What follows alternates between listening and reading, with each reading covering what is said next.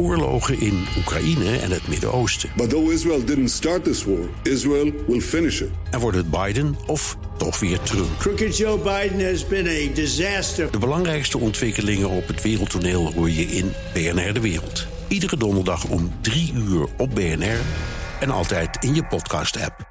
Hallo, ik ben Tobias, verantwoordelijk voor de senior cloud specialisten vanuit Linden IT Cloud. Wij detacheren Azure en Office 365 specialisten. Kijk op lindenit.com en bel me.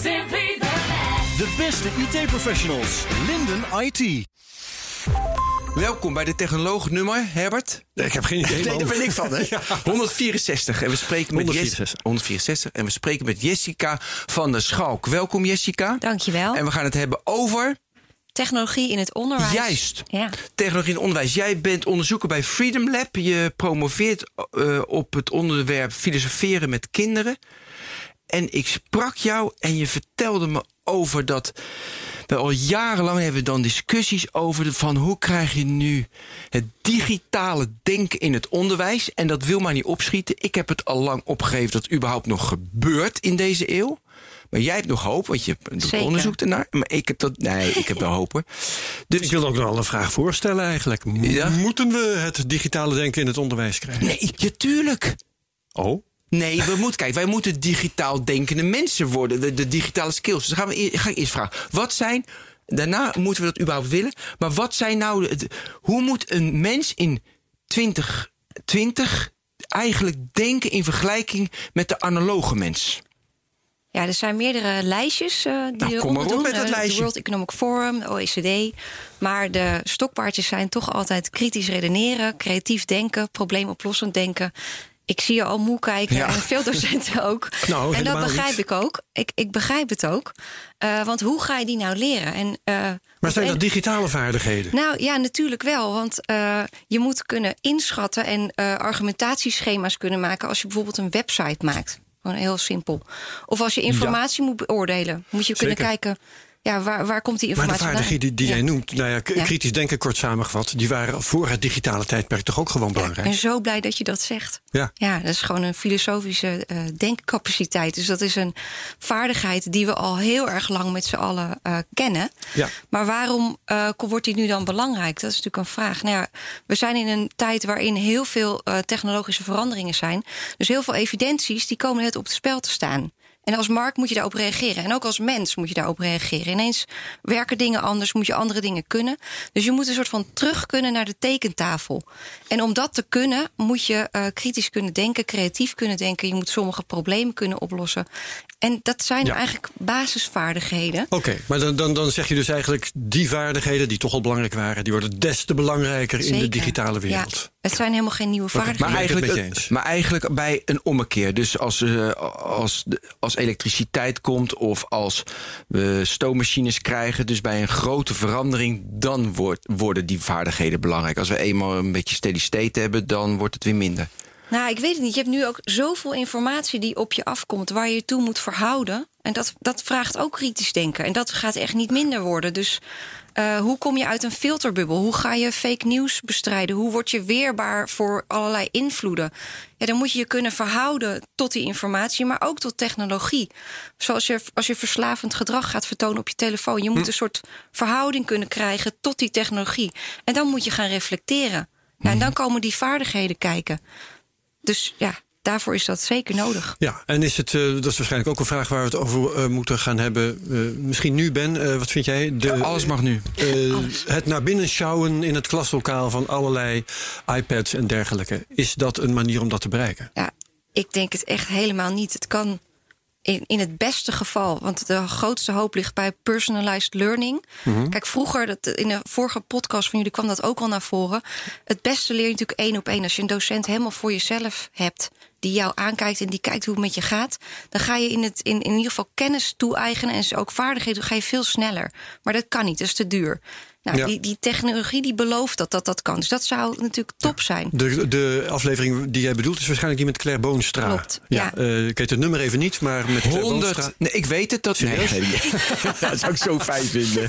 Kijk, ik wil gewoon meer computer in me hebben. Want dan kan ik paf, hè, weet ik het. Op de site van BNR kun je dat gewoon vinden. Als Ja. je de vaardigheid eh, eh, zoeken op internet beheerst, hebben we daar een zoekvenstertje. Ja, als je geheugen Ja, goed dus, is. Oké, Ja. goed, ga verder. Nee, dus dat, dat, is, dat is een mooie belofte. Die is Ja. echt nog niet waargemaakt. Maar je merkt zelf al als volwassen. Ik, kan, ik lees bijvoorbeeld heel langzaam. Nou heb ik eh, een, een, een speedread app. En het werkt echt fantastisch. Maar het is een heel klein deelgebied in het leren van een taal of in het lezen. Wat je misschien via personalized learning kan doen nu nog. Maar, eh, Mag ik heel even ja, over die ja. Ja, app? Ja, ga je gang. ja, gelijk. Dat is Ja. toch- maar dan onthoud. Ik bedoel, ik heb die snelleescursus ooit gedaan. Dus ik Mhm. kan een boek in, in een half uur lezen. En ik kan, hem, kan er drie dagen over doen. Nee, nee, maar goed, dan scan je. En je weet Ja, ja, waar je op moet letten. en is de inhoudsopgave belangrijk. De eerste alinea in de zin is belangrijk. Dus je weet hoe je Inleiding, conclusie. je weet hoe je moet lezen om iets tot je te Maar dan kies ik er van tevoren voor. Ik ga dit, nou, dit ga ik maar een half uur doen, want het is echt helemaal niks. Of denk ik, nu ga ik de diepte in.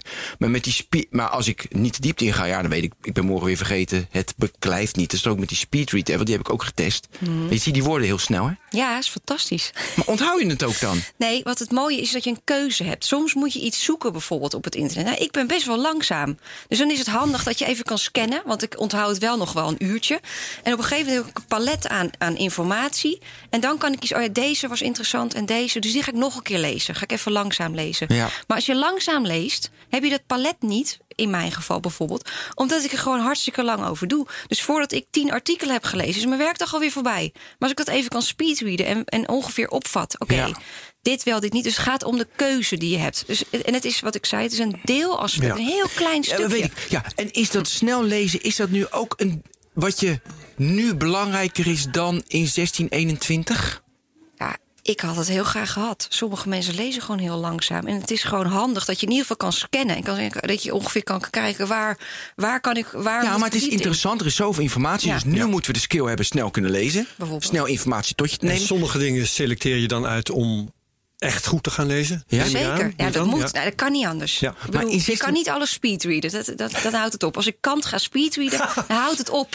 Nou ja, nee, dan houdt het op dat je hem goed doorgrondt. Maar misschien komt het dan weer iets anders. Want ik ga even terug naar 1621. Ja, ja. Toen, weet je, ja, speedreaden, gewoon je leest. Ik denk niet dat ze daar toen mee in, eh, in het analoge tijdperk.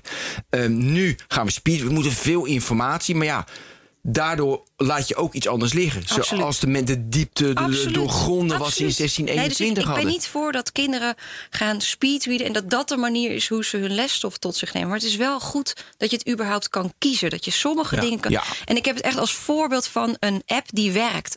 Want het werkt wel. Ik, het is zelfs letterlijk een oogtraining die je krijgt... om überhaupt over die zinnen op een bepaalde manier te gaan. Maar Dus je hebt er wel een app voor, eh, bij nodig. Dat vind ik wel een interessant eh, kan, ja, een, gegeven. com- een computerprogramma. Of dat Nee, maar nou het een is die app die al die woorden heel snel dat. spuit, hè? Of, maar je moet Ja, bijvoorbeeld ja, in de, in de ja. Of heb je speed- nog een andere app? Nou, in de speed moet je bijvoorbeeld ook van links naar rechts heel snel met je ogen kunnen gaan. Dat moet je trainen. Die ogen zijn een spier. Als je dat niet kan, dan gaat het best wel Het is moeilijk. een kwestie van conditie, Ben. Dat zijn de praktische kanten van dat leren. trainen. Ja, Oké, ja. Oké, maar dat is één klein specifiek deel. Precies. We hebben het nu nog even over technologie in, in het klaslokaal. Ja, En we gaan ook over, weet je, welke, welke lesmethode zo. Maar ja, gaan, ja. gaan we even. Dus dat is een goeie.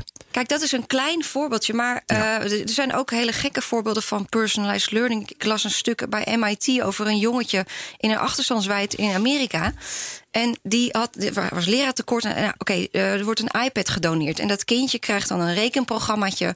En die mag je in zijn eentje gaan doen. En die computer stelt vragen. Dus bijvoorbeeld iets: What comes before 83? Maar hij begrijpt het woord before niet. Maar die computer die ziet dat natuurlijk niet. Dus, dus dat, dat kind dat gaat antwoorden geven. En de computer denkt, nou, die kan echt niet goed rekenen. echt dom. Zo, hé. Ja, maar dat is eigenlijk een taalprobleem. Het is helemaal geen rekenprobleem. Ja, ja, ja. En wat er gebeurt, die leraar die is bezig. En eh, als je op zo, als- ik weet niet of jullie jonge ik heb een jong kind. Nou, als je, Gehad over ooit. die, over, als je over die iPad gaat met je vinger, dan maakt hij bijvoorbeeld een streepje. Vinden kinderen leuk? Kunnen ze een half uur doen. Dus dat, die leraar let niet op. Die jongen die, die geeft het foute antwoord. Die gaat, gaat met zijn vinger over dat scherm. En eh, ja, hij leert niks. En, en, eh, en hij krijgt als resultaat. Oké, deze jongen is, loopt heel erg achter op rekenen. Terwijl hij het woord before niet snapt. Dus eh, het is lesgeven is complex, het is moeilijk. Je moet heel veel dingen kunnen. En personalized learning is gewoon nog heel ver weg. Maar het is wel een mooie belofte, Ja. denk ik. Dus uiteindelijk gaan we wel naar personalized learning toe, zeg jij. Dus Dus als ik mijn persoonlijke hoop mag geven, dan bijvoorbeeld. Kennis is absoluut belangrijk. Heb je het ook over gehad? Dus natuurlijk heb je kennis nodig om skills te hebben. Dat is het, ook de grote kritiek op 21st century skills. Dat we af moeten van kennisonderwijs en naar skillonderwijs moeten. ja, dat vind ik ook zo dom. En maar wat, wat heel grappig is, en wat ook echt is aangetoond, is dat je kennis nodig hebt om skills te hebben. En dat die Ja. skills ook niet overdraagbaar zijn naar een ander kennisdomein. Dus dat is een probleem. Want die vraag van het bedrijfsleven naar die skills, die is er wel degelijk. Dus ja, hoe zit dat dan? En wat ik, wat ik dus zelf eh, verbijsterend vind, is dat ehm, er zijn natuurlijk wel dingen die je kunt leren in die skills. En dat doen we dus ook al heel lang, namelijk in de, in de filosofie. Eh, en dan zijn die skills wel degelijk deels overdraagbaar. Maar Ja, maar ja, Ja, nee, ja, maar over te komen nog. Maar even over. Ja. Dus het mantra dat kennis niet meer belangrijk is, maar skills. Maar skills is toch. Dat is toch tijdelijk? Ik bedoel, kennis, weet je, dat. Weet je, ik, ik vroeg me gisteren ineens af. waarom hebben wij in Nederland geen Erasmus meer of Spinoza? Weet je, want toen die er waren. daarna begon wel onze gouden eeuw. En nu is alles maar pragmatisch, op skills gericht. Oh, mooi. Je, je, denkt heel bedenkelijk. Maar, weet je, dus ik heb juist. Skills, dat is toch. Nou, ik ga iets heel flauw zeggen. Wat je nu betoogt, Ja. dat is een argumentatieschema. En daar volgt, daar concludeer jij iets uit. Misschien doe je dat heel goed. Of juist heel slecht, maakt me Daar niet uit. liggen regels aan ten grondslag dat Ja? jij dat goed doet en een ander niet. Als jij een IQ-test doet, dan word je getest op logica. En er wordt een soort van gedaan alsof dat uit de lucht komt vallen. Nou ja, helaas, sommige mensen zijn er goed in en sommige mensen niet. Dat is waar, maar je kunt het ook trainen. Dus dat betoog wat je net Ja. hield, dat voldoet aan een paar regels. En die regels kun je duidelijk maken, trainen en daarop reflecteren. En er is niet één vak in het basisonderwijs die dat doet. En dat is raar. Ja. Dus daar wil je naartoe. Hè? En dat Ja. is. En als je dus die kennis hebt over het beargumenteren van, van een betoog bijvoorbeeld. Bijvoorbeeld, Van- ja, ja. Of straks coderen, waar we het straks over gaan hebben. Daar volgen de skills uit. Dat denk ik wel, want om kritisch te kunnen nadenken. ja, wa- Wat is dat nou, kritisch nadenken eigenlijk? En bijvoorbeeld eh, dat je het verschil weet tussen een correlatie en een kausaal verband. Is redelijk belangrijk met Ja. al die AI die we nu hebben. AI maakt correlaties, geen kausaal verband. En met alle fake medische eh, eh, therapieën die rondvliegen. Absoluut. Ja. Maar als je dat niet weet, wat het verschil is tussen die twee dingen, dan ben je minder beducht op automation bias. Want je denkt, ja, correlatie, kausaal verband, hetzelfde. Ja. Ja, daar ga je. Maar je moet dus, als je daar, als je een Geef even een voorbeeld. Het is wel leuk. Eh, ja, het is een beetje een oud voorbeeld. Eh, we hebben een eiland en daar wonen allemaal mensen. En eh, de gezonde mensen hebben vlooien. En de zieke mensen niet. Nou, en ik test het elke keer. Nou, dus, de, dus, Dus van vlooien word je van word je gezond. En het ja, het is waterdicht. En het, elke keer als ik het toets, dan is het zo. Maar wat leer je bij een kausaal verband? Dan leer je te denken in... oké, zou er een mogelijke wereld kunnen zijn? Echt een hele filosofische exercitie. Is er een mogelijke wereld waarin dezelfde eh, eh, feiten optreden... maar een andere oorzaak is? Ja, dat is er wel. Misschien, misschien eh, vinden eh vlooien eh, zieke mensen vies. Ja, dan heb je hetzelfde resultaat. Een hele andere oorzaak. Ja. Of gezonde mensen zijn gezond omdat ze het lekker warm hebben. En daar komen ook vlooien op af. Precies. Ja. Nou, heel veel, het is echt heel veel reden te bedenken. En als je dat traint in een kind, dan raakt hij daarop beducht. Dus als een AI een, een, een, eh, een uitkomst geeft van het een of ander. Met die sollicitaties, was dat bij Amazon? Dat die, die sollicitatie. ja, sollicitatie. En toen was het alleen maar ja, mensen als je of- da- ja, en dan, en dan soms. Wat, wat, wat, wat? Nee, oké. Ja. bij, bij, ah, vertel jij het maar. Maar bij Amazon. Nee, jij moet Nee, vertel het maar, vertel Nou, bij Amazon eh, hadden ze een sollicitatieprocedure. En dan ging het AI ging natuurlijk de eerste, eerste selectie maken. Dat hebben ze volgens mij bij Ahold. Er zijn heel veel. En, eh, en, de, Mm. en, eh, en de president van Amerika is een voorbeeld. Nou, dus die data was natuurlijk gebaseerd op wie er allemaal werkt. Maar ja, dan krijg je dus ook de mensen die Oh, ja. allemaal werken. En dan krijg je nooit. blanke mannetjes. Krijg je maar van blanke onder de 30. man- Ja. Wat een Nou, vermoeiend en is de, dat. de, de uitkomst eh, dat dat de data is, dat is de data. Maar de conclusie, daar moet je op kunnen reflecteren. Ja. Dus je wordt weerbaar door die skill te trainen. En wij trainen dat dus te weinig volgens Niet. jou. Nooit. Gewoon niet. Ja, scholen. filosoferen met kinderen. Dus het is, het is ook niet nieuw wat ik, wat ik zeg. Hè. Dus i- iemand in Amerika heeft 50 jaar geleden dit bedacht. Was een professor. En die merkte dus dat, dat zijn eerstejaars studenten niet goed konden redeneren. En hij denkt, ja, hoe kan dat nou? Dit zijn toch de top of de bill? Ja. Hoe kan dit? En toen is hij daarmee begonnen. Ja, maar het, het gaat Ja. veel verder terug. Want, Ja. in de, eh, want de logica, want daar heb je het nu over, is natuurlijk al mille- is al heel oud. Dus dat, eigenlijk die, dat hebben we eigenlijk losgelaten. Ja, ja dat denk ik ook. Het- Om dat te Nou, leren, ik- om dat standaard te maken. Ik, ik heb het idee dat mensen niet eens weten dat het bestaat. Je hebt wel zo'n uitspraak. Ja, iedereen heeft zijn eigen logica. Ja, Oh, eigen waarheid. Ook maar dat, niet maar dat is maar zijn eigen logica. Heel vaak bedoelen mensen daarmee dat ze bepaalde waarden hebben van waaruit ze gaan redeneren. Maar dat, is, dat heeft niets met logica te maken. Logica is gewoon een set aan regels van het denken die je maar beter goed kan kennen. En goed moet oefenen. Het is net als grammatica, Nederlands. Mijn zoontje van vier die spreekt prima Nederlands. Ik wil wel dat hij grammatica krijgt. Om zich goed te kunnen uitdrukken. Ja. Dus met het denken hetzelfde. En logica, dat is alle zwanen zijn wit. Dit is een zwaan, dus hij zal wel wit zijn. Dat is, eh, Bijvoorbeeld. of ja, die vlooien. Ja, ja, ja, ja, als A dan B, ja, Ja, A of B. Ja, je kan het heel abstract maken. nou, doe maar. precies, ja. Een soort Ja. wiskunde wordt het dan. Het wordt een soort wiskunde, maar je kunt het wel aankleden. Want het gaat uiteindelijk over echte dingen. Je, je kan het heel abstract houden, maar je kunt het ook naar de, naar de grond trekken. Ja. Dus wij hebben dat overgeslagen. Dat, zeg maar, het logische denken. En jij zegt van dat is essentieel om bestand te zijn tegen de, digital, tegen de technologie tijd. Ja, Ja, dus we moeten dat op scholen, aan de kinderen moeten we dat leren. Toch? Dat Is absoluut. Nee, ja, dat, dat denk ik zeker. Maar dat hadden we altijd al moeten doen. Maar nu wordt het belangrijker dan ooit. En een leuke kant ervan is... coderen is, wordt zo belangrijk. Niet alleen dat je het kan, maar dat je ook ongeveer begrijpt... hoe iets werkt. Ook al ga je nooit coderen, is het toch fijn... als je in je basispakket krijgt... zo werkt het ongeveer. Want je maakt gebruik van digitale technologie. Goed om te weten, hoe, wat is nou daar, hoe werkt dat nou een beetje? De, de, de, de denkkracht.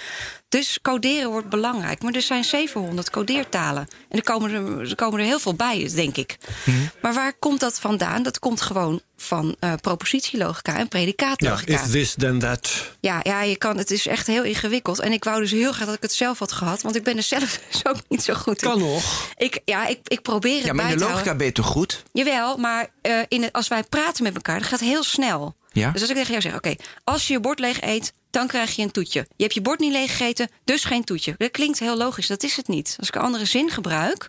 ehm, als je in Amsterdam woont, dan ben je voor Ajax. Je woont niet in Amsterdam, ben je niet voor Ajax. Zeg nee Jessica, Oh. dat volgt helemaal niet. Ja. Dus die, die, die, die, dat is dezelfde redeneervorm, maar ze zijn niet geldig. Dus een, een redenering is ook niet waar of onwaar. Die is geldig of ongeldig.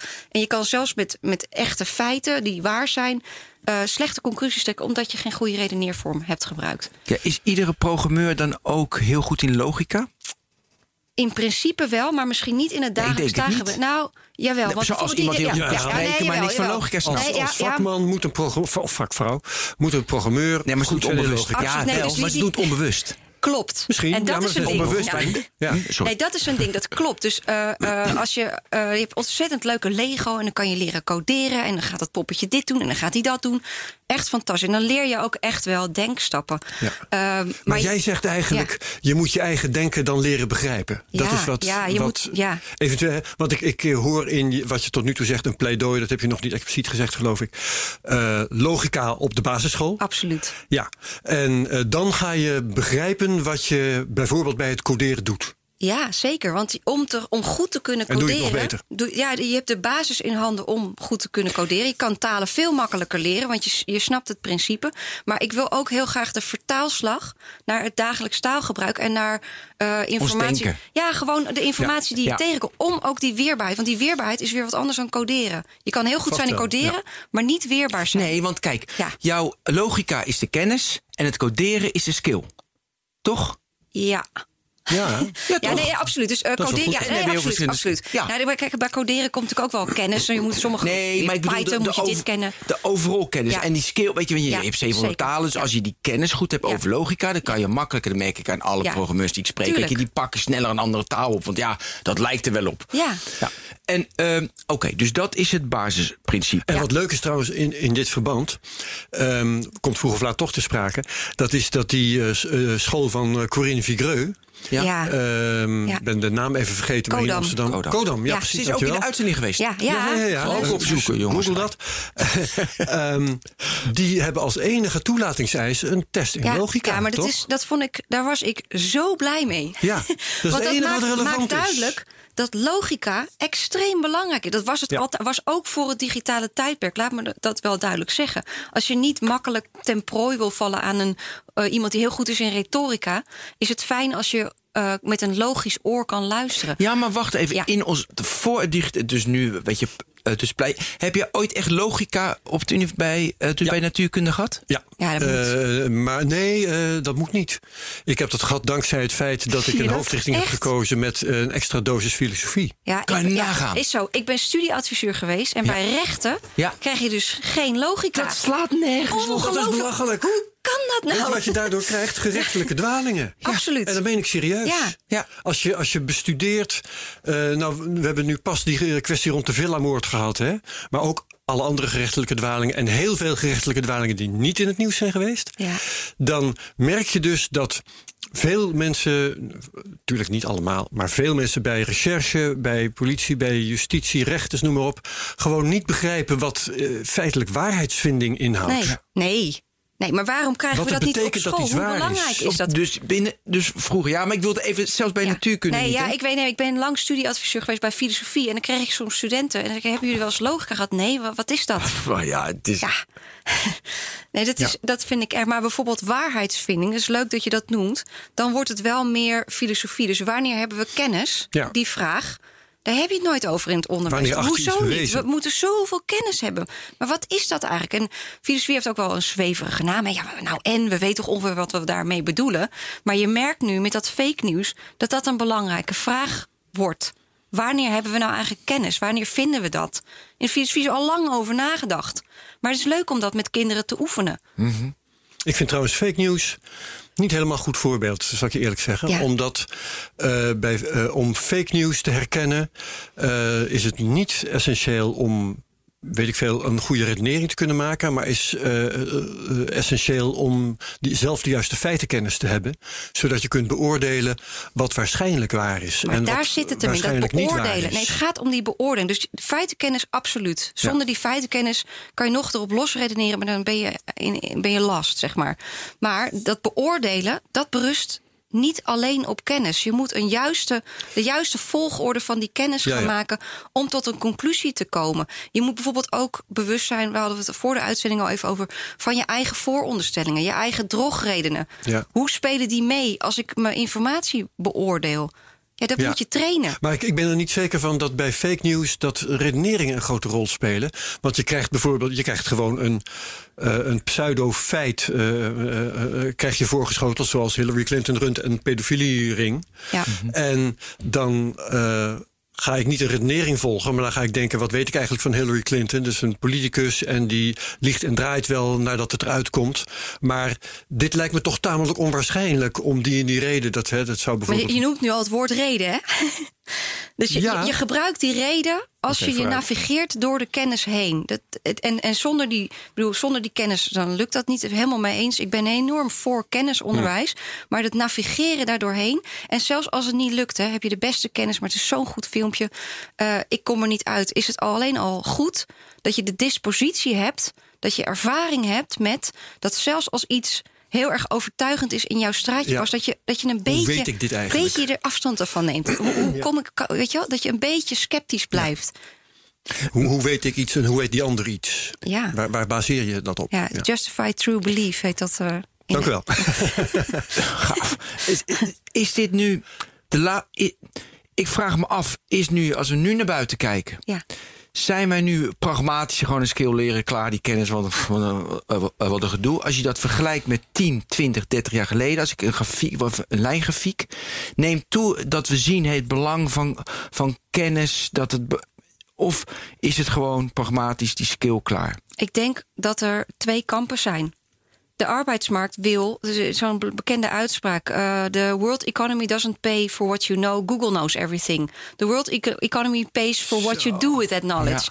En kijk, dan is fijn. Nou, je moet even kijken wat de vooronderstellingen zijn van zo'n uitspraak. Ja. Want kun je iets doen met kennis als je het niet hebt? Nee, gewoon even heel simpel. Ik heb het niet. Hoe kan ik er dan iets mee doen? Dat gaat niet. Dus, maar het, het onderwijs zit al vol met kennisonderwijs. Waarom volgen die skills dan niet? Hoe kan dat nou? Dus, dat, dus eh, ik denk dat er twee kampen zijn. Sommige mensen zeggen: Oké, eh, je hebt kennis nodig en daar houdt het op. Meer kunnen we niet voor jullie doen, kindertjes. En de, de werk, eh, werkgevers die zeggen: Ja, maar ik wil dat je er iets mee kan. Het kan me niet schelen, maar Ja, ik heb dat nodig. Maar de trend bij de werkgever is ook, joh, die skill leren we wel. Weet je, je moet gewoon een, wel een, een slim mens zijn, wel bewust, sociaal goed, veel van logica weten. En die skill, ja, pff, die ene taal, dat leren we wel. Je bedoelt een taal of zo? Ja, of Ja, een taal. of rekenen. of- of- nee, maar nee. In het bedrijfsleven Ja. is natuurlijk ook veel meer we hire voor de.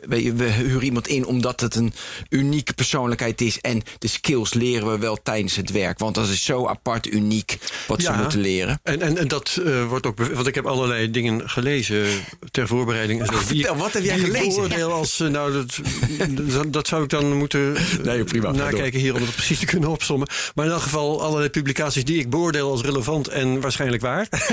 Ja, hopelijk. En die dan erover gaan dat eh, bij Apple steeds minder mensen werken met een academische opleiding. Omdat Ja. een academische opleiding, in Amerika in ieder geval, eh, niet meer de juiste skills of kennis, dat weet ik dan even niet, eh, levert voor nee, mensen die skills dus. Skills dus. Skills dus, zeg Nou, jij. ook kennis hoor. Ik bedoel, Nee, dat- maar ik ja, even dat- sorry, ja, blijf voor mij skills. Ja. is, ke- weet je, is kennis globaal. Je Ja. weet wie je bent, je kan logica. Je bent een, een, een, Mhm. een compleet mens met een academische... of een, dat maakt niet uit, je hoeft niet eens academie... maar je bent een... je, ja. Ja. Skill is voor mij, je kan timmeren, je kan coderen. Je, je kan, dat is een skill. Je, je hebt een, een trucje Ja. geleerd. Naar mijn idee, als je heel veel kennis hebt... Dus redeneren noem jij kennis. redeneren... Kun je het ook een skill noemen. Ja, dat kan, ja, maar ik vind dat meer uh, En Jessica zit te knikken, kennis. dus ik heb Nou, het, het valt uit. Dus het is, nee, het is wel Nou, geef jij de definitie dan maar. Nee, het is goed dat je het zo zegt. Want eh, eh, logica zou ik willen zeggen. Daar, daar, je moet gewoon kennis hebben van de logica. Gelukkig Ja? is het ook heel intuïtief. Met je mee? En daarna. Eh, ga je dat toepassen op allerlei dingen? Bijvoorbeeld coderen of Nou, informatie dat- sorteren. Of, dus dat, dat is een soort, die zou je kunnen noemen als een soort skill die daar uitrolt. Maar, eh, en het klopt, dus bedrijven gaan steeds meer aannemen zonder diploma. Maar wat de werknemer zelf, die, die moet daar ook even over nadenken. Want het is wel fijn als je bij Apple skills leert. Maar als je weg wil. Dan moet je, Dag. ja, dan is het Ja. weer voorbij. Ja, je hebt Apple dus komt tuurlijk, er komt goed het wel van. goed. Nee, maar je wil natuurlijk eigenlijk meer. Nee, je wil natuurlijk meer controle Klopt. daarop. Dus die, die basiskennis, maar het zijn ook vaardigheden. Dus dat filosoferen met kinderen, dat is een activiteit. Als ik dat doe, dat heb ik veel gedaan in Amsterdam. Dan is het het meest van de tijd zitten we in een kring gewoon te praten. Vertel eens hoe dat gaat. Ja. Ah, het is zo leuk. Eén ding Oké, voorop. wij zijn Ja. één Ja, even ja. de kring met z'n drieën. hè? Wij zijn met z'n drieën in de kring. Ja, moet ik een lesje Ja, le- ja, heel kort, maar eh, is wel even. Nou jongens, waarom eh, maken jullie radio? Vinden we leuk. Nee, ik wilde weer. ja, nee, ik Nee, flauw. Wereld verbeteren? Ja, nou ja, dus, eh, ik begin bij kinderen ook wel zo. Dus je begint eigenlijk met een vraag die een evidentie probeert te bevragen. Dus eh, laatst die, die Claire deed dat ook bij jullie. Die zei, waarom gaan we eigenlijk naar school? Dan denk je, shit, mag, ik mag niet vloeken op de radio. hè? Jawel hoor, in de podcast. Jan. Ja. Daar heb ik eigenlijk niet over nagedacht. En ik ga elke dag naar die school. Hoe zit dat eigenlijk? Dus je begint met dat losmaken van dat denken. En dan gaan we een gesprek voeren. Maar wa- wat is bijvoorbeeld heel belangrijk in het gesprek? Eén kind zegt wat. Nou, ik ga naar school, komt een heel verhaal. En een ander kind zit al met zijn hand omhoog. Nou, ik geef die beurt. Zeg ik, oké, eh, wat, wat, voordat je begint, kun je herhalen wat hij voor jou zei. Nou, dat is moeilijk. Want eigenlijk was ik alleen maar aan het nadenken wat ik zelf wilde zeggen. Oké, nou, er gaat toch een poging wagen. En dan vraag ik aan het kindje ervoor: "He- heeft hij dat goed verteld? Ja of nee? Nee. Oké, dan vraag ik een ander kind. Wat is het verschil tussen wat kind 1 zei en kind 2? Wat is de brug? Ja, nee, dat is ingewikkeld. De kinderen vinden het leuk hoor. Ze vinden het heel leuk. Oké. Maar zo leer je bijvoorbeeld ook dat als je een idee hebt in je hoofd en je gaat dat vertellen, dat niet iedereen dat automatisch begrijpt. Of dat iemand niet luistert. En je gaat ook bij anderen zien van, oh, dit is het verschil tussen wat die zegt en wat die zegt. Dus dat zijn vaardigheden die je, Ja. die je echt vaak moet oefenen. En Net dat het uitmaakt hoe je iets vertelt. Absoluut. Ja. Dus dat, zijn, dat, ja, dat is iets wat je in de praktijk doet. En het is met, met taal ook. Ja. Je, moet, je moet op een gegeven moment naar een land gaan en gewoon eh, gaan praten. Dus het, zijn, het is tweedelig. Je moet en gewoon die kennis leren, maar je moet ook echt oefenen. Want het is best wel moeilijk. Dus ja, dat moet je trainen. Daarom is het ook een soort skill. Ja. Wa- wanneer vragen scholen jou om dat te doen? Wat voor scholen zijn dat? Hoe eh, komen ze op dat idee? Eh, er zijn verschillende redenen. Dus er is onderzoek geweest, empirisch onderzoek, dat als je de juiste docenten hebt en de juiste lesstof, gaat het IQ omhoog, 6,5 punt, blijvend. Wordt minder gepest. Kinderen zijn zelfverzekerder. Taal gaat omhoog, rekenen gaat omhoog. Dat zijn hele mooie uitkomsten. Dus dat is één. Ja. Twee is dat het dus tegen pesten helpt. En ik, ik, ik vind dat een hele mooie uitkomst, maar ik vind het ook gevaarlijk. Want wat gebeurt er dan in filosofie met kinderen? Dat ze willen dat je over pesten gaat praten. Maar als je nou ergens niet creatief over na kan denken, is het over pesten. Ik kan niet zeggen van, eh, nou jongens, waarom is pesten eigenlijk slecht? Ja, we kunnen doen alsof dat een vraag is, maar dat is niet een echte vraag. Want iedereen, Nee. niemand durft daar ook. Dus bij uitstek een indirect gevolg van eh, Ja, dus dat. Ja, dus ja, het is een indirect gevolg. En hoe komt dat? Omdat je eh, op een andere manier je kunt uiten. En wat heel erg leuk is in zo'n, in zo'n les, bijvoorbeeld als je schip van Theeshuis, kennen jullie dat? Nee. Oh, nee, nee, een grapje. Er is een schip en dat gaat varen. En gedurende een jaar dan, ver- ver- dan verwisselen die Oh, onderdelen. ja. Zo leuk. Maar die kinderen gaan met die boot mee, hè? Ja, nou, hoeft niet, hoeft niet. Eh, dit- dat schip, dat, er komt er, de mast gaat kapot. Een nieuwe mast. Spijkers, Oh, roesten, nieuwe het spijkers. Nee, ik had Het schip komt terug, is hetzelfde schip. Ja, geen idee, weet je wel. Nee, Oké, vanaf wanneer? Nou, dat, dus zo'n onderwerp geeft heel veel ruimte voor creativiteit. Het is niet beladen, je staat niet op het spel. Hetzelfde verhaal kun je trouwens vertellen over het menselijk lichaam. Hè? Tuurlijk, Waar eh, tuurlijk, dat is de 20 jaar analogie. geen atoom meer Ja, in zit. Dat maar wat daar, begin- wat daar leuk aan is, is dat die kinderen die soms stil zijn of, of niks zeggen, ineens een inbreng hebben die zo leuk is voor die groep dat je elkaar op een heel andere manier leert kennen. Dus die verhoudingen worden anders in de klas. Dus daarom is dat, dat niet pesten en zelfverzekerheid een, een gevolg hiervan. Dus nou, dat is ongeveer hoe dat dan eh, gaat Ja, in Ja. de les. gaaf, leuk. En eh, hoe doe je dat? Want ja, het onderwijs zo conservatief als men zijn kan. Daar begonnen we zelfs Ja, mee met ja. dat botte statement. Hoe zorg je ervoor dat, eh, dat dat verandert en dat ze wel openstaan en dat iedereen dit doet? Nou, wat een groot voordeel hiervan kan zijn, is dat er geen onderwijshervorming meteen nodig is. We hoeven niet alles om te gooien. Heel veel dingen. eh, er is nu ook een curriculum.nu, is een beweging nu, dus een soort hernie- een nieuwe poging van eh, onderwijs eh, 2032, geloof ik. Eh, waarin leraren. schuiven het ook, heet het Ze op. schuiven het op. Eh, waarin er weer een soort hervorming aan zit te komen. En al die docenten moeten mee zo. En dit werkt al met één uur per week. Dus je hoeft niet eh, helemaal eh, je, je onderwijs om te gooien, kennis aan de Ja. kant. Het is één uur per week. En dan heb je echt fantastische resultaten. Ik wil even terug naar Ja, Apple. ja, ja, ga naar Eh, Apple. Ja, dus wat jij zei, er wordt steeds meer gehuurd op skills. Dus iemand kan coderen, de kennis is minder van belang. Ja, Ja, nee, ja, dus, ja, du- dus dat zei je. En we hebben, concluderen nu ook dat we juist in deze maatschappij nodig hebben dat mensen veel kennis hebben. Dus als nu de grote, machtige bedrijven allemaal alleen maar skills, geen kennis, ja. dan zie ik dan een probleem ontstaan. Of is dat klein? Je bedoelt als kennis gaat ja, want is verdwijnen. kennis niet belangrijk. Wa- Tuurlijk want, is het belangrijk. Nee, maar voor, volgens ze huren mensen. De grote bedrijven vinden kennis dus minder belangrijk. Want je zei net van ze huren op skills. Maar dat komt natuurlijk om de taken die ze hebben. Dus zij hebben taken waarbij ze waarschijnlijk AI kunnen inzetten op allerlei kennisvraagstukken, data lezen, weet ik veel wat. Dus ze hebben eh, mensen nodig die iets anders kunnen doen. Maar dat is dus het belang van het bedrijf, maar niet, niet per se het belang van de maatschappij of van, van, van een mens zelf. Ja, maar dan heb je nog niet. Je kan dus niet de case maken van hé, hey, die ik vaak het idee heb Ja. van je pas echt onderscheid vermogen. Ook voor een bedrijf als je over kennis hebt. Want die skills leer je wel. Ja. Want dan ben je meer een mens waardoor je creatiever bent. En waardoor je, uni- eh, beetje, eh, waardoor je kritisch kan denken. Waardoor je beter contact, eh, beter kan begrijpen wat de klant wil. Weet je, dat soort Absoluut. elementen. En ik, ik denk dat die vraag naar skills misschien wel zelfs onbewust op de kennislaag komt. Dus het is niet zo van die kennis vind ik niet meer belangrijk. Die neem je eigenlijk voor granted. Je gaat ervan uit dat Ah, dat ook- kan. oh, dat- en het komt ja. erop. Dat, Ja, want en dat dat is zal hem het. zijn. Ja. Dat Jouw mooi. verhaal is eigenlijk vooral die skills werken pas. En dat merkt zo'n bedrijf vanzelf. Ja. Als, je die kennis hebt. achter zit. Tuurlijk. Tuurlijk Ja. moet je die kennis hebben, anders dan werkt het niet. Ja. Maar, Ja. ja. Ja, Nee, dat zie je Dus wel. een bedrijf denkt misschien wel dat ze alleen maar op skills Ja. selecteren, Ja. maar dat eh, gaat fout. Nou, nee. dat, dat kunnen ze niet eens, omdat die skills pas functioneren als eh, die kennis erbij komt. En, Ja. en dat zie je wel bij goede programmeurs of minder goede. Weet je, goede, die hebben dus ook kennis. Want die kunnen dus een andere taal snel leren. Die zien het overzicht. Die kunnen een high-level design maken. Weet je, weet Maar je- misschien ook kennis van de tak waarin ze. Als je op, op, op, Ja. eh, weet ik veel, op, op voedsel een of andere kennisdatabank moet aanleggen. Of weet ik veel wat je Mhm. ermee. Is het toch wel handig als je enigszins weet in welk domein je Ja. opereert. Dan maak je veel betere programma's. Dus Snap het is een combinatie. Overigens, eh, ik heb in mijn leven ook wel met, met eh, programmeurs gepraat en ik was altijd verbaasd hoeveel ze wisten.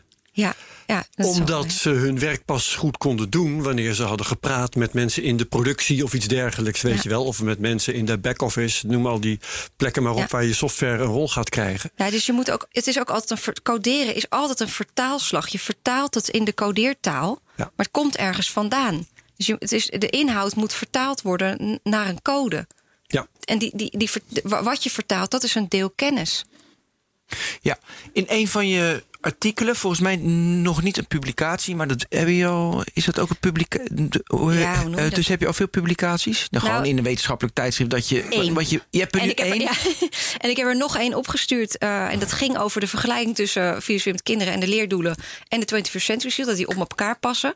En waar dat gepubliceerd moet worden is moeilijk. Want Nou, de filosofische bladen die denken: ja, ja, is niet filosofisch. Oh, ja. En- En, en en, de techbladen denken: ja, maar dit is wel heel filosofisch. Dus Oh jee. dat is een soort vacuüm. het, het lot van de interdisciplinair onderzoeker. Ja. In een artikeltje dat je Ja. had geschreven, heel klein Ja, maar ja, nee, ja, Eh, had je geschreven dat. eh, de, dus digitale middelen werken niet altijd in het. eh, nee, kinderen slechter als ze digitale hulpmiddelen gebruiken. Ja. Ja, er was een OESO-onderzoek dat dat klopt. uitwijst. Ja, Ja. ja. dus eh, daar zit een soort gradatie in. Het is natuurlijk wel handig als je op school af en toe een scherm hebt en, en kunt leren. Maar als je dus de meeste tijd in je eentje in het Google Kennis eh, eh, zwembad eh, zwemt als kind, dan, dan gaat het dus minder goed. Dus dat, dat komt eruit. Het, en dat zei ik ook al aan het begin van het gesprek. Als je iemand iets wil Before, leren, ja, met dat, dan, dan helpt het als je kan kijken hoe die, hoe die lesstof wordt opgepikt. En dat kan gewoon nog niet. Dus het, het- ja, we zijn er gewoon. Er is te weinig pedagogisch onderzoek. Er is nog niet een goede vorm gevonden. Eh, en ja, als je dus niet in het onderwijs hebt ge- rondgecirkeld, dan, dan, dan besef je dat misschien te weinig. Dat het is een heel praktisch beroep ook. Je moet heel goed kijken. Ja. Wat doet die leerling nou eigenlijk? Wat begrijpt hij wel? Hoe is de sfeer? Misschien heeft hij wel een rotdag gehad. En gaat het vandaag even niet. Ehm, wat, wat, waar ben jij dan voor? Moet een school bij gebrek aan beter weer gewoon terug naar eh, desnoods jaartallen, jaartallen leren? En een krijtbord. en kri- eh, schoolbord met krijt en eh wiskunde. Appelscha en Assen en eh V- Veenendaal Topografie. leren vinden op de kaart? Nou, ik denk dat je heel goed moet afvragen: waarom zet ik dit in? Zet ik dit in omdat ik anders te veel afwijk van de buitenwereld? Zet ik dit in omdat kinderen het heel leuk vinden? Bijvoorbeeld YouTube is de number one preferred learning tool. Ja, dat is wel Kinderen best. vinden het Ja. Eh, en dan krijg je een soort verhaal van... ja, je hebt nou eenmaal eh, beelddenkers en, en theoriedenkers. Blijkt helemaal niet te kloppen. Het leren gaat ongeveer op dezelfde manier. Het is wel zo dat sommige onderwerpen zijn beter om voorgedaan te krijgen, sommige niet. Maar het staat wel leuk naar buiten als school. Wij hebben YouTube-kanaal en dan gaan we allerlei eh, ik heb hier een hele belangrijke vraag over. Ja. Want eh, ik heb ook al lang geleden in een, in een BNR-programma... had ik eh, iemand die eh, triomfantelijk vertelde... dat met IT leren zo leuk kon worden. Ja. En toen heb ik gezegd, en ik zit nog steeds met die vraag... moet leren eigenlijk wel leuk zijn? Eh, Dat meen ik echt. Ja, dat vind ik een supergoeie vraag. en Want- daar hebben, hebben onderwijs, of, eh, onderwijshervormers over nagedacht. Als hè? kinderen alleen nog maar merken dat... Dat, Dat het leven eh, één groot iets hoeft spelfeest te is. leren als het leuk is. Ja, nee, dat is natuurlijk En, onzin. en dat er niks is wat je hoeft te doen wat niet leuk is. Maar wat er, wel, wat, er, wat er wel in zit, wat, waar dat misschien vandaan komt. Eh, Montessori, Rudolf Steiner, John Dewey, zijn allemaal onderwijshervormers. En die hebben wel laten zien dat het helpt als het, als het wat je leert een betekenisvolle ervaring is. En als je het idee hebt dat het interactief is. Dus als je Mhm. bijvoorbeeld een hele toffe vraag hebt, maar je, het wordt jou geleerd om altijd maar naar de leraar te gaan om dat te vragen. En niet geleerd om zelf in die interesse te onderzoeken Ja. ja, dan, dan stomp je af. Want elke keer als je een vraag hebt, ja, ik weet niet hoe ik erachter moet komen, ga ik naar leren. En in het idee van zo'n vrije school, hè, komt van de Rudolf Steiner. Ja, ja ik weet Eh, het. ja, oké.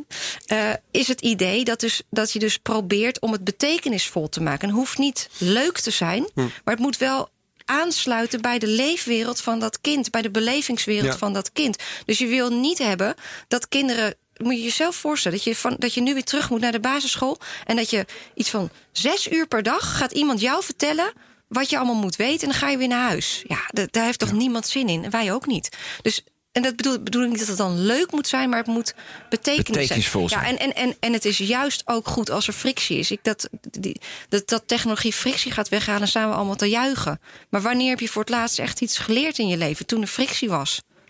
Waarschijnlijk. Dat je iets moet overwinnen. Ja, tuurlijk. Dus Ja. ik vind dat onderwijs ook gewoon moet zijn. Ja, shit, ik heb het niet gehaald. En dat je moet achteraf gewoon hard gaan leren. Ja, dat is een vaardigheid, want je zult dat heel vaak tegenkomen in je leven. ja, dus dat, je, dat je achteraf denkt, eh, jezus, dit was echt kloten, maar het is me wel gelukt. Ja, ik las. Zoiets. Nou, ik heb zo'n eh, zo'n ouder mailinglijst sta ik op. En er stond op een gegeven moment.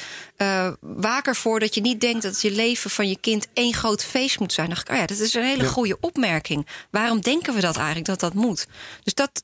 Mijn antwoord zou zijn nee, maar je moet wel aansluiten bij het kind. Want anders dan, ja, dan zit je eigenlijk gewoon ja, bijna te indoctrineren. Of dan is het echt één richting verkeer. En dan, dan dood je alle creativiteit. En Ja. dat is iets wat je wil bewaren. Maar goed, dan is mijn ideaal, eh Herbert, hebben we het ook vaak over gehad, dat ik een timeline heb waarbij ik verslaafd ben aan leren. Dat heet het doorleer. Dat is dan eigenlijk onzin, want in verslaving, oh fijn, oh lekker, nu Ja. moet ik even rust. in Ik had altijd van, moet ik Ja. even rust in mijn hoofd, dan doe ik even iets makkelijks. Ja. Dan doe ik, en dan nu even moeilijk, want ik ben nu geconcentreerd. Even, weet je, even diepte in. Ah, dit vind ik vervelend, maar dan moet ik even doen. Ik, ik deed een, eh, bij, waar was dat? Ik deed een AI-cursus online. Ja. En, eh, maar da- daar had ik echt avonden erbij. Dat ik echt dacht van, hé, hey, dit is binge-watchen met al die leuke video's. Ja, Dus, ja. Maar dat heb je ook met een goed boek. Dat je denkt, ik ga niet stoppen. Maar, eh, maar toen dacht ik van, waarom waar kan maken niet we alle onderwijsvormen Ja. niet op die manier? ja, omdat eh, dat, het kan niet. Want niet iedereen vindt alles even interessant. Dus dan moet je soms moet je, je bewegen om iets te doen wat je ook niet goed kan. Leren kan gewoon heel frustrerend zijn. Dus ja, Mhm. eh, moet je dat dan weg proberen te nemen? Nee, want het is ook goed om door die frustratie heen te gaan. Ja. En natuurlijk is het fijn, maar, maar bij verslaving komt zo'n stofje vrij ook. Hè? Ja. Ja. wil je dat iemand al vanaf jongs af aan daar de heet op getriggerd wordt? Want dat, dat heeft ook weer allerlei consequenties die, die je eigenlijk niet wil. Want je wil het terug. Dus als je dat dan niet aan het doen bent, ja, dan Ja, ben ik ongelukkig. is er zitten allemaal stomme Ja. kanten aan, helaas. We hebben het over, over jongeren gehad. Ik, vond, vind het ook wel interessant om te weten van... wat moet je nu leren als je bijvoorbeeld in je twintig jaren bent, 30 jaar...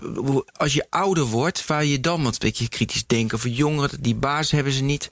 Maar waar moet nu eh, iemand die nu luistert... die is eh 25. Waar moet hij dan op letten? Nou, Algemeen, even, Ja, nee, dus- maar gewoon even generaties. Het hangt natuurlijk af van wat je, Ja, wat je wil worden. Kan allemaal niet beroepen. Maar wat, wat leuk is, waar je, waar je misschien naartoe wil... is dat er nieuwe initiatieven ontstaan... waarin je kunt bijscholen. En dat kon vroeger gewoon niet zo makkelijk. Moet je weer een hele nieuwe studie doen. En nu, eh, ik, ik zeg het altijd weer, Co- Coresa. Ik zeg altijd die naam verkeerd. Corsair. Corsea.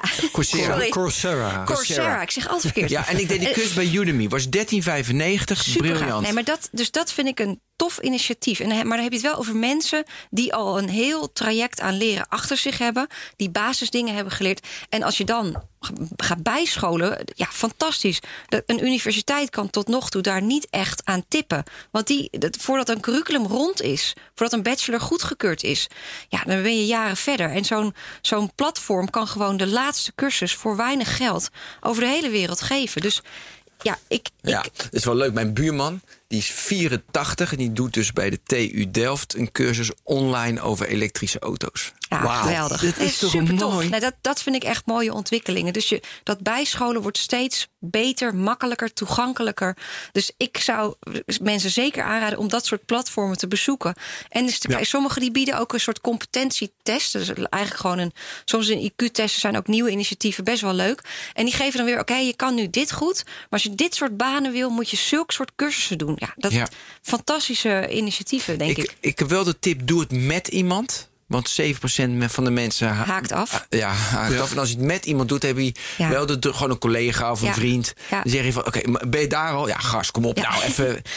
Kunnen we het even hebben over die nieuwe onderwijsvormen? Hè? Want we hadden het er net over dat bijvoorbeeld bij Apple, maar het is niet, niet alleen daar, ehm, dat eh, je met een eh, academische opleiding niet per se daar beter toegerust bent Ja. dan met iets anders. En er zijn tegenwoordig andere opleidingsvormen. En dan is bijvoorbeeld Codam Ja. van Corinne Vigreux hebben we genoemd. eh, 42, daar Ja, eh, stamt daar Codam komt dan weer vanaf. Eh, Coursera noem je al. De Khan Aca- Academy Ja. kwam ik ook tegen Ja. in, eh, ik Ja. zal maar zeggen, de literatuur. Wat hebben die gemeen dat ze nu blijkbaar eh, wel aansluiten op wat er nodig is? Ja, dus zij, traditioneel onderwijs, voordat dat curriculum veranderd is, dat duurt gewoon lang. Er zijn veel regels, eh, docenten moeten omscholen. En die, die, die, eigenlijk die buitenschoolse initiatieven, die kunnen veel sneller inspelen op wat de markt nu nodig heeft. Dus daarom komt Ja. dat volgens mij nu op. Omdat je het in het traditionele onderwijs niet gaat vinden. Waardoor dat curriculum dus ehm, tegen zijn eigen grenzen aanloopt. Want de bedoeling daarvan is om te garanderen Ja. dat het eh, eh, een bepaalde kwaliteit heeft. Dat het ergens goed voor is. En het verandert in zijn tegendeel. Ja, op dit moment wel. Ik heb er echt wel goede hoop voor dat, dat die twee elkaar op een dag gaan vinden. Dus dat er een soort mix komt van. eh, dat je veel vaker kijkt, is dit curriculum nog actueel? Hebben die kinderen hier nog wel wat aan? En dat, dat, dus ik hoop op een soort, soort samenspel. Ja. Maar tot nu toe zijn, ja, is, is, is het bedrijfsleven veel meer equipped om gewoon heel actuele cursussen gaan aanbieden. Want die hoeven zich niet Ja. te houden aan die regels.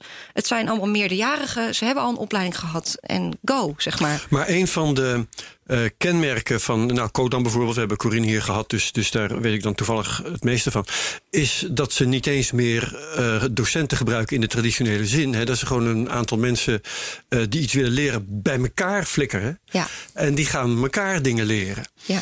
Ehm, en dat past veel meer, denk ik, bij eh, de huidige wereld, die een gigantisch veranderingstempo heeft. Dus het hele begrip curriculum kan dat eigenlijk nog wel. Ja, ik denk Is dat nog wel het- ergens dat, goed dat dat echt per vakgebied verschillend. Coderen Ja. leent zich zo goed voor dit model. Natuurlijk helpt het als je ja, gewoon ja, samen klassieke gaat- talen is misschien wat anders. Ja, maar ook als je het hebt over klimaatproblematiek.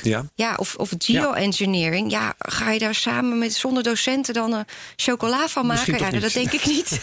Nee, ik in ieder geval niet. Dus, dus dat is Ja. voor sommige domeinen goed. En voor sommige domeinen moet je gewoon best wel moeilijke stof. Moet je iemand hebben die dat goed kan overbrengen. Moet je groepen hebben die begeleid Dus het, het leent zich gewoon niet voor alles. Helaas. Ja. Is Nee, wel dat, leuk. Dat, dat is een mooie Ja. waarneming. Ja, ja. Ja.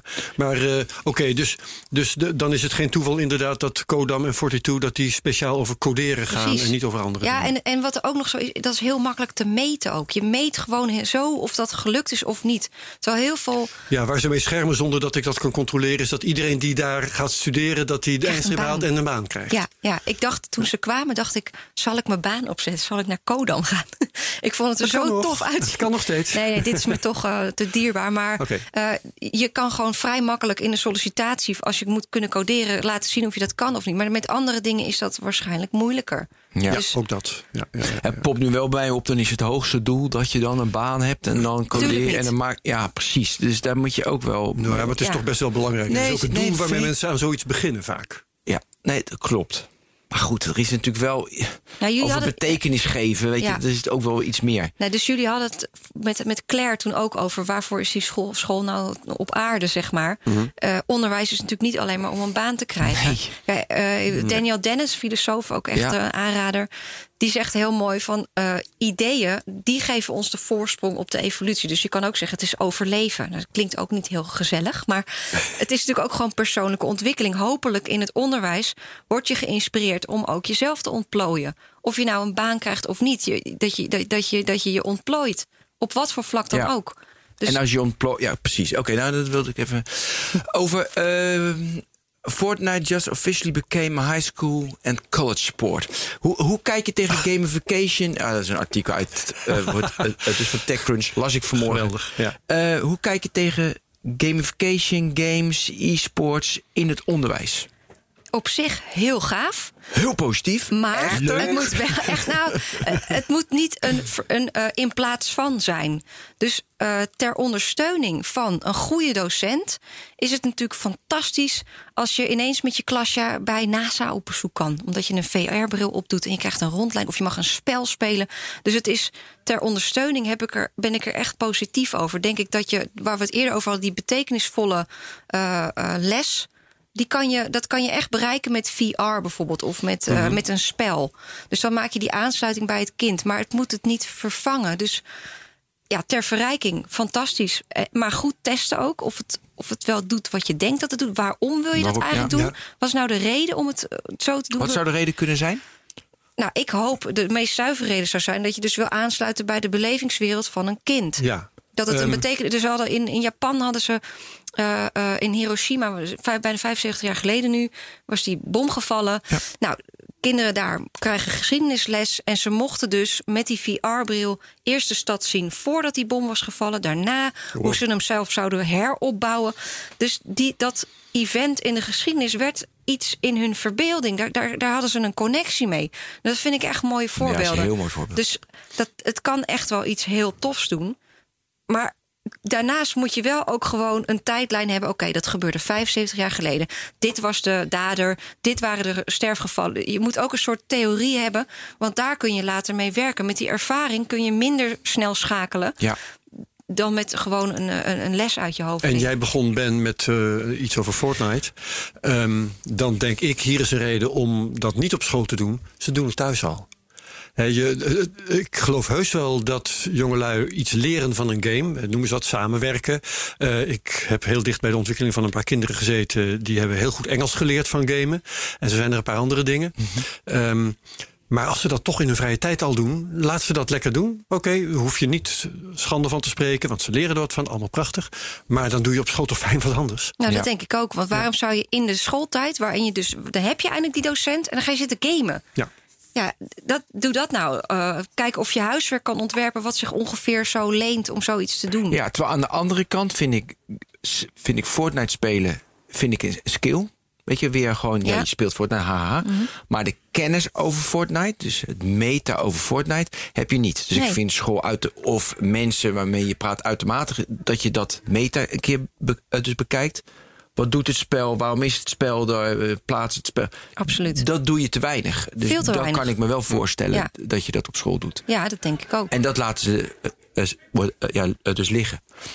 Ja, Eh, en ik kan me ook goed voorstellen dat je op school bijvoorbeeld eh, ehm, bespreekt in de les wat influencers zijn. En Ja, zeker. waarom die doen Ja. wat ze doen. Ja. En wat ze voor belangen hebben die je misschien als, eh, als eh, kind niet direct ziet. Gaan En retorica.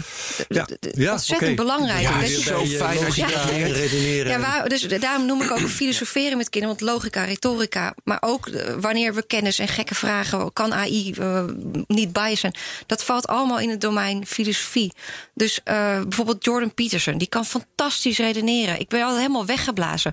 En toch ben ik blij dat ik op sommige punten... dan maar even kan verhouden tot wat hij zegt. Dat ik heel veel kan uitzoomen...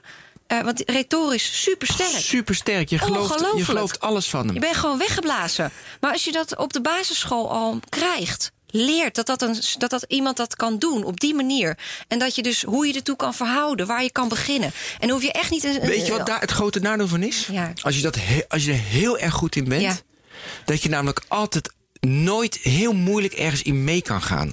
Want je beschouwt dan altijd. En denk je, ja, dat is dat retorische trucje. En dat is dat. eh, Oké, we hebben we wel vaak over gehad met Bandersnatch. Weet je, dat Ja. je doorkrijgt in films of in boeken. Precies. Ik heb dat veel als ik naar films kijk. Dat Ja. ik denk van oké, heeft de regisseur dit gedaan. Dat, eh, Maar ja, jongens. En- en wie, weet wat, wie weet wat er komt. Nee, maar wie weet wat er komt als we daar allemaal goed in zijn. Wat voor films er dan komen. Nou zeker. Ja. Maar kijk, wat ik ook niet wil, is dat allemaal ook dat we een soort leger aan Jordan Peterson gaan creëren. Allemaal kindertjes die heel snel zijn en heel snappy met hun argumenten. Dat, dat zou jammer zijn. Maar op dit moment heb je, je bent niet weerbaar. Je kan er niet tegenin. Dus je hebt alleen maar, ja, het voelt niet lekker, die Jordan Peterson.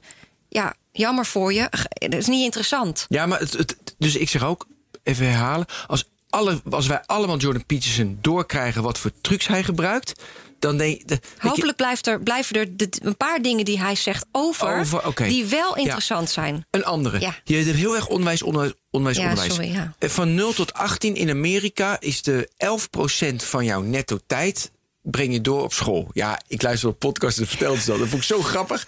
Toen zeiden ze van ja, het belang van onderwijs, ja, heel belangrijk moeten. Maar uiteindelijk Ben weet je je, niet zoveel. ben je er niet zoveel. Je school, eh, sorry, je vrienden, thuis, Ja. situatie. Weet je, is, nou, ja. Dus wat moeten we dan thuis? Dus je zit nu op school, die 11, jij pakt die 11% aan. Nou, belangrijk, belangrijk, belangrijk. Maar ja, we hebben nog eh 89% over. Dus wat moet, moeten we daaraan doen? Ik kan me voor. Kijk, een hele grote rol ligt natuurlijk bij ouders in het begin. Dat ze, dat ze opvoeden, opgroeien, ontplooien. Dat, daar is school maar een klein onderdeel van. En we hebben het erover omdat we er allemaal voor betalen. En daar kunnen we een institutie voor maken. Ik kan niet ouders dwingen om X, Y, Z te doen. Dus daarom gaat het vaak over onderwijs. Maar je hebt gelijk. Hoe je leven gaat, wie jou opvoedt, waar je woont, wie je vrienden zijn. Dat is, dat, dat is ook heel erg vormend. Dus ja, wat moeten we daar doen? Ik hoop, eh, ik zou alle ouders willen oproepen. Nee, die moeten dus vooral, eh, ook die logica Absoluut. cursus en Nee, die dus dat, dat, retorica dat is de moeilijke. Dat klopt. Dus eh, ik, ik met mijn zoontje van vier zit dan met die Lego dat schip van Theeshuis na te spelen. Je moet als ouder dat ook proberen. Samen reflecteren, samen kijken. En niet altijd maar als je kind iets vraagt, gewoon antwoord geven. Maar eens samen op zoek gaan. Hoe komen we daar nou achter? Hè? Of, en dan ook niet gelijk op Google te duiken, maar gewoon. Hoe beantwoord je eigenlijk überhaupt een vraag? Wat, en, en kunnen we drie verschillende antwoorden bedenken? Wanneer is een vraag beantwoord? Ja, Ja. Ja. Ik ben er nog steeds niet achter waarom eigenlijk de vernie- vernieuwing in het onderwijs zo traag gaat. Omdat er heel veel regelgeving is. Er zijn heel veel meningen. Wat moet er geleerd worden? Nou, ga maar eh, kijken. Zet maar een paar docenten bij elkaar. En dan eh, heb je al een Dus hele er avond is, geen, er is geen consensus over dit. Weet je, dit is eigenlijk voor op dit moment met onze kennis die wij nu hebben, is dit het beste. Dat denk ik. Dat, maar daar is geen consensus over. Nou, kijk, waar, waarom dit, waar, waar ik het nu over heb, niet heeft doorgezet, is omdat het werd gezien als een generieke skill waar geen kennis voor nodig is. Nou, dat klopt niet. Filosofie moet je behoorlijk wat kennis voor hebben, logica ook.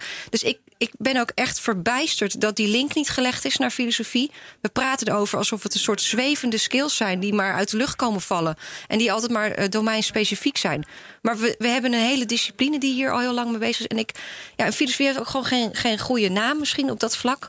Hè, de ouders van ja, wat kan je er dan mee? Dus ik, ik denk dat het behoorlijk knullige redenen zijn waarom dit specifiek niet is gelukt. Ik durf het bijna niet te zeggen, maar je zou er haast een meer catchy naam voor willen Absoluut. Ik, ik wil zo graag af van filosoferen met kinderen. Maar kritisch redeneren is ook niet goed. Ik zou het gewoon niet nee, weten. Ja, ja, ik heb ook zelf een heel erg hekel aan dingen een andere naam geven, omdat het dan beter. eh, Nou, en, en we moeten ook land- trots zijn erop. Hè? Want Ja, filosofie. Ja. is ook een van de weinige disciplines die, die nog onaangetast is in, in, in de intelligentie van AI bijvoorbeeld. Het is een Ja. van de weinige dingen die ons als mens echt uniek maakt. Dat wij op een bepaalde manier kunnen reflecteren. Dat we op een bepaalde manier over zingeving nadenken. Dat, ja, en, nou, en als je ooit een filosofieboek hebt opengeslagen, dan, dan snap je ook dat dat echt nog heel ver weg is voordat er zoiets ontstaat. Dus laten we er ook wel trots op zijn dat we.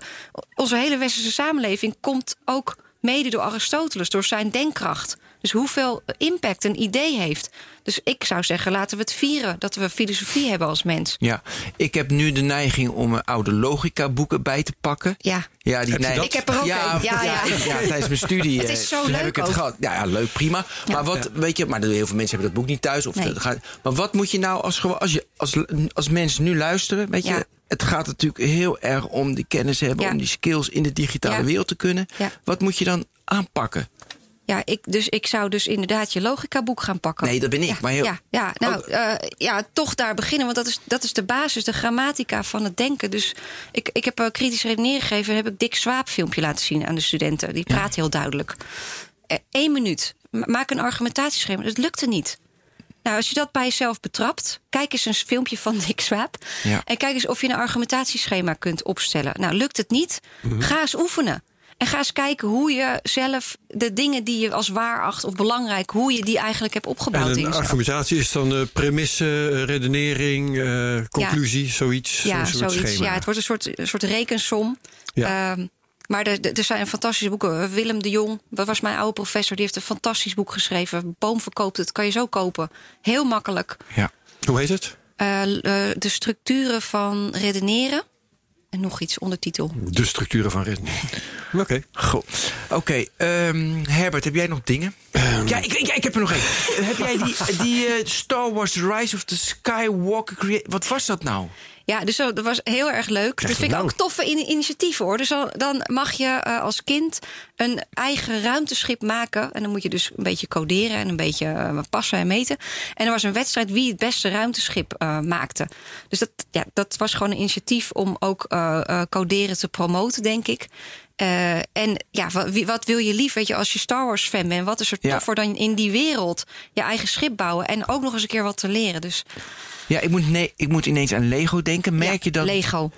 Ja, je bent helemaal enthousiast. Maar mee, zijn er ook resultaten dat het ook echt helpt? Ja, je leert coderen. Dus dat, maar, nee, dat- maar het helpt ook nu, de, de, de, eh, dus jongeren die dat veel hebben gedaan. Je merkt dan als je mensen interviewt dat die, dat merk je niet. Nee, en dat komt omdat puur coderen in de praktijk is een afgeleide van. nee, een- het- ja, dus, dus, ja, want Lego is weer die kennis.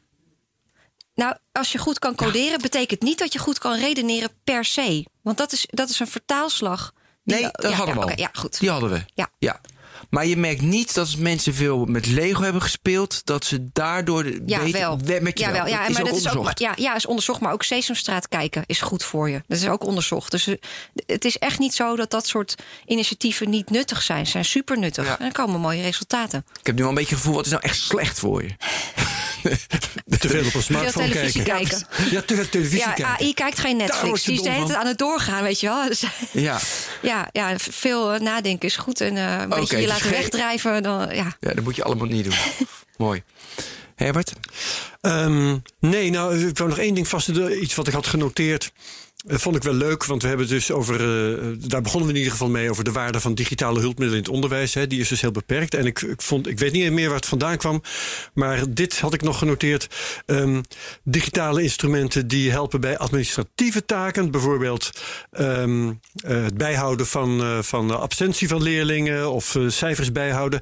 Die zorgen voor het meest meetbare Ja. resultaat in het onderwijs tot nu toe. ja, komt uit mijn artikel. Komt uit jouw artikel, nou, ja. ja, ik heb het ook weer van iemand anders. Maar het is ook eigenlijk logisch in alle sectoren waar technologie zich als eerste bewijst, is met routinewerk. Dus ook in het onderwijs. Ja. Super handig voor leraren dat de presentielijst, nakijkwerk, sommig nakijkwerk, hoe je echt niet meer zelf te doen. En dat zijn natuurlijk van, dan ondersteun je die leraar echt en kan hij veel meer tijd besteden aan de, waar die echt goed in moet zijn.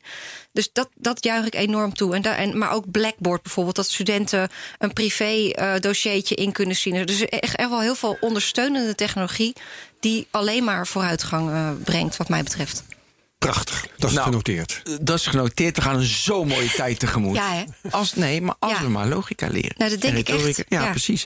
Oké, eh, Jessica van der Schalk, hartstikke bedankt dat je Jullie er was. ook. Ontzettend Herbert bedankt. bedankt. Ben bedankt. Dit was de Technoloog nummer 164. Tot de volgende Technoloog.